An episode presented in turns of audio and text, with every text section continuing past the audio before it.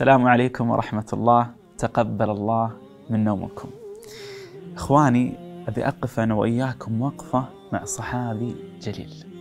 هذا الصحابي من صفاته أنه عابد كريم عنده الحلم عنده الصبر مقدام.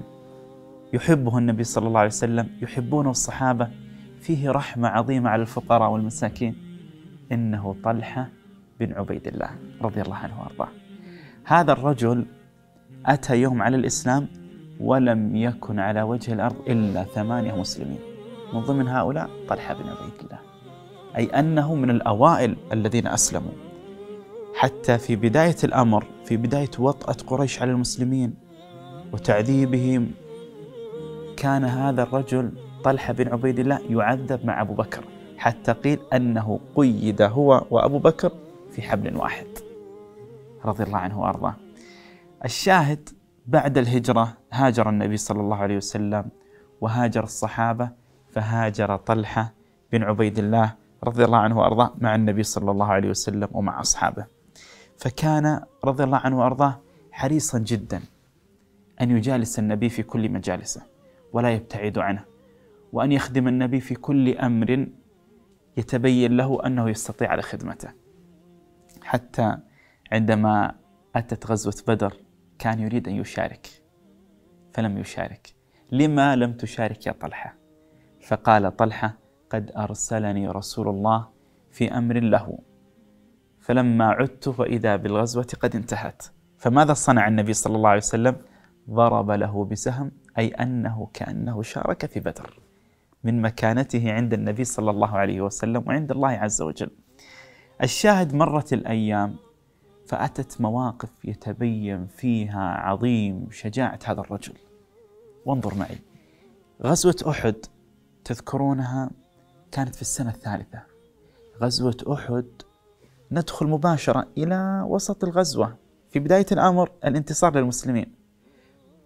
مرت مقدار فواق ناقة. فواق الناقة تقول العرب مقدار فواق ناقة أي ما بين الحلبتين. يعني مقدار ساعة ساعة. مقدار فواق ناقة وإذا بالموازين تنقلب وتختلف.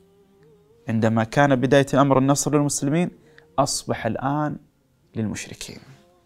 لما أن الرماة الذين كانوا على الجبل يحمون ظهور المسلمين؟ عندما رأوا انتصار الصحابة نزلوا معهم وقد أوصاهم النبي ألا ينزلوا. وهذا الخطأ الذي كان. نزلوا وتركوا خلفهم جابر عبد الله بن جبير تركوا خلفهم وهو قائد لهم. قال لهم لا تنزلوا. إن رسول الله أمركم أن لا تنزلوا. فنزلوا. فبقي عبد الله بن جبير ومعه تسعة من الصحابة. المشركين كتيبة من الكتائب لهم. كانت قريبة فنظرت فإذا الرماة لوحدهم قل عددهم قل عددهم فانطلقوا إلى ذلك الجبل ليأخذوه. فلم يجدوا إلا تسعة من الصحابة فسحقوهم وقتلوهم وقتل جابر أو عبد الله بن جبير. فبدأوا ينهالون على الصحابة بالأسهم والرماح فقتل عدد. تخيل في تلك اللحظات الصحابة يجمعون الغنائم والمشركين قد ولوا من أمامهم وإذا من الخلف تأتي رماح وأسهم وهذا يسقط وهذا يقتل. فظن الناس أن النبي قتل وشيع بين الناس قتل رسول الله. ذلك الموقف موقف عظيم. منهم من سقط السيف من يده مباشرة. قتل رسول الله سقط على وجهه من الصحابة. من حبهم تعظيمهم للنبي صلى الله عليه وسلم. منهم من خرج من أرض المعركة لا يعلم أين يذهب. ليس خوفا بل هو كيف يفقد الحبيب صلى الله عليه وسلم.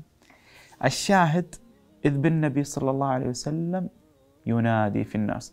يا عباد الله يا عباد الله يا من استمع للنبي أولا؟ المشركين. فكل منهم سل سيفه وأقبل نحو النبي صلى الله عليه وسلم. يريدون قتله. الصحابة تفرقوا. الآن يسمعون صوت النبي فأقبلوا رضي الله عنهم وأرضاهم. لكن بعيدين. المشركين أقرب. فلم يكن إلا عدد يسير من الصحابة عند النبي صلى الله عليه وسلم. كان من بين هؤلاء طلحة بن عبيد الله رضي الله عنه وأرضاه.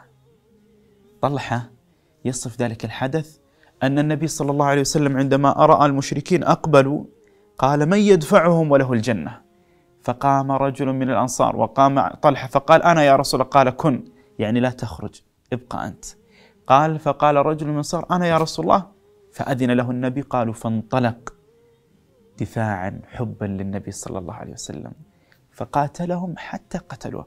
ثم قال النبي من يدفعهم وله الجنة فخرج الرجل الذي يليه.